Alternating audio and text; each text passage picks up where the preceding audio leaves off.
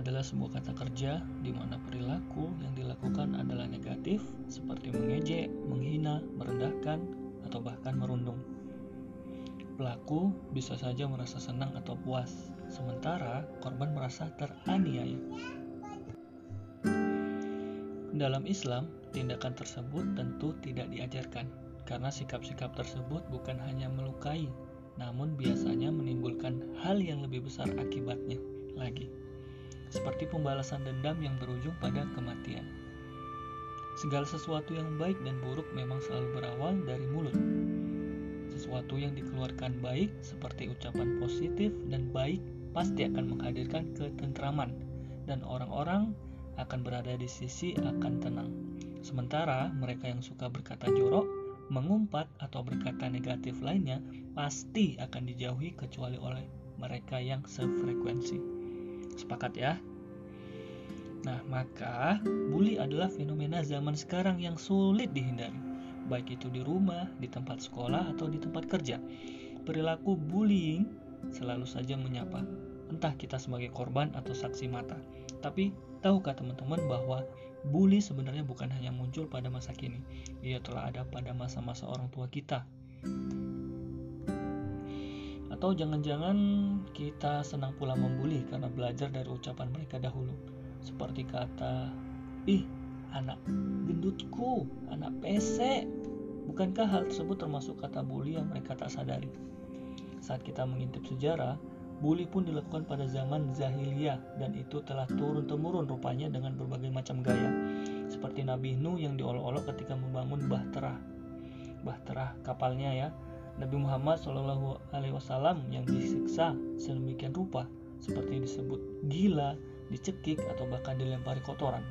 Nabi Musa, Nabi Yusuf yang dianiaya oleh saudaranya dan hampir semua nabi mengalami penyiksaan versi mereka sendiri di mana penyiksaan itu kita kenal saat ini sebagai bullying sebagaimana di sur, uh, surat Al-Ahzab ya ayat 48 Eh, bahwasanya dan janganlah kamu hiraukan gangguan-gangguan mereka dan bertawakallah kepada Allah dan cukuplah Allah sebagai pelindung.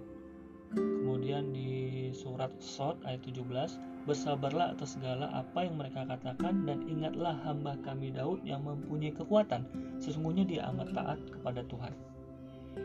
Maka sahabat, saat kau dihina atau dikucilkan tak perlu sedih. Bukan hanya kita yang pernah mengalami, para orang hebat sekalipun nabi, bahkan Allah, Sang Maha Pencipta pun turut dihina oleh orang-orang kafir.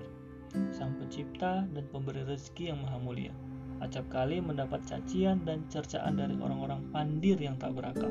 Maka apalagi saya, teman-teman, dan kita sebagai manusia yang selalu terpeleset dan salah. Dalam hidup ini, terutama jika teman-teman adalah seseorang yang selalu memberi, memperbaiki, mempengaruhi, dan berusaha membangun, maka teman-teman akan selalu menjumpai kritikan-kritikan yang pedas dan pahit.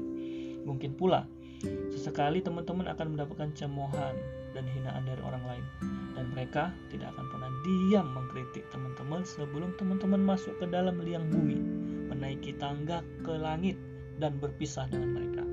Adapun bila teman-teman masih berada di tengah-tengah mereka, maka akan selalu ada selalu ada perbuatan mereka yang membuat teman-teman bersedih dan meneteskan air mata atau membuat tempat tidur teman-teman selalu terasa gerah. Lantas, berhenti membuat semua orang akan menyukai, berhenti menjadi sempurna agar semua orang menyenangi. Karena hidup ibarat dua sisi koin yang berbeda, akan selalu ada positif atau negatif. Di balik orang-orang yang menghinamu, pasti ada yang berbelas kasih. Di balik orang-orang yang ragu pada kemampuanmu, pasti ada yang yakin padamu. Di balik mereka yang menghina fisikmu, ada sosok yang selalu membanggakan dirimu bagaimanapun kekuranganmu bahkan kerap mendoakanmu. Mereka lah orang tua. Di balik kesendirianmu, karena terasing, ada yang selalu bersamamu di segala cuaca. Dialah Robmu. Kamu tak sendiri kawan. Quran Surat Hud ayat 11 Kecuali orang-orang yang sabar terhadap bencana dan mengerjakan amal-amal salih mereka itu beroleh ampunan dan pahala yang besar. Maka usaplah air mata, cobalah lapangkan dada, sembari meyakini dalam hati bahwa angin hanya akan mengguncangkan pohon yang tinggi, Semakin tinggi sebuah pohon, maka akan semakin kencang ia berusaha untuk menjatuhkan.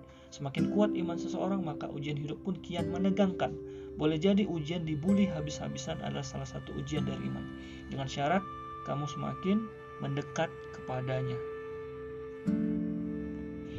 Jangan gusar. Teman-teman tak akan selalu di bawah atau terpojokkan. Sejarah selalu mencatat bahwa orang yang baik selalu menang, yang bersalah selalu ditenggelamkan, seperti tenggelamnya kaum Sodom atau kaum Samud ke dalam tanah lantaran dosa-dosa mereka. Tak perlu berdiam atau fokus melawan sekuat tenaga. Cukup melakukan perbaikan diri dengan ibadah, berdoa, belajar. Fokus meng menghebatkan diri, mengembangkan potensi diri. Siapa tahu, esok-esok Allah akan mengubah keadaan dengan keberhasilan. Sehingga mereka yang menghinamu saat ini jadi ciut, mulut dan tangannya terbungkam oleh prestasimu. Percayalah. Nah, ini ada quote penutup terakhir ya. Betapapun eh, Anda akan kesulitan membungkam mulut mereka dan menahan gerakan lidah mereka. Yang Anda mampu adalah hanya mengubur dalam-dalam setiap kritikan mereka, mengabaikan seolah pola mereka pada Anda, dan cukup mengomentari setiap perkataan mereka sebagaimana yang diperintahkan Allah. Bahkan, Anda juga dapat menyumpal mulut mereka dengan potongan-potongan daging agar diam seribu bahasa dengan cara memperbanyak keutamaan, memperbaiki akhlak, dan meluruskan setiap kesalahan Anda. Dan bila Anda ingin terima oleh semua pihak, dicintai semua orang, dan terhindar dari celah, berarti Anda telah menginginkan sesuatu yang mustahil terjadi dan mengangankan sesuatu yang terlalu jauh untuk diwujudkan. Barakallahu fikum.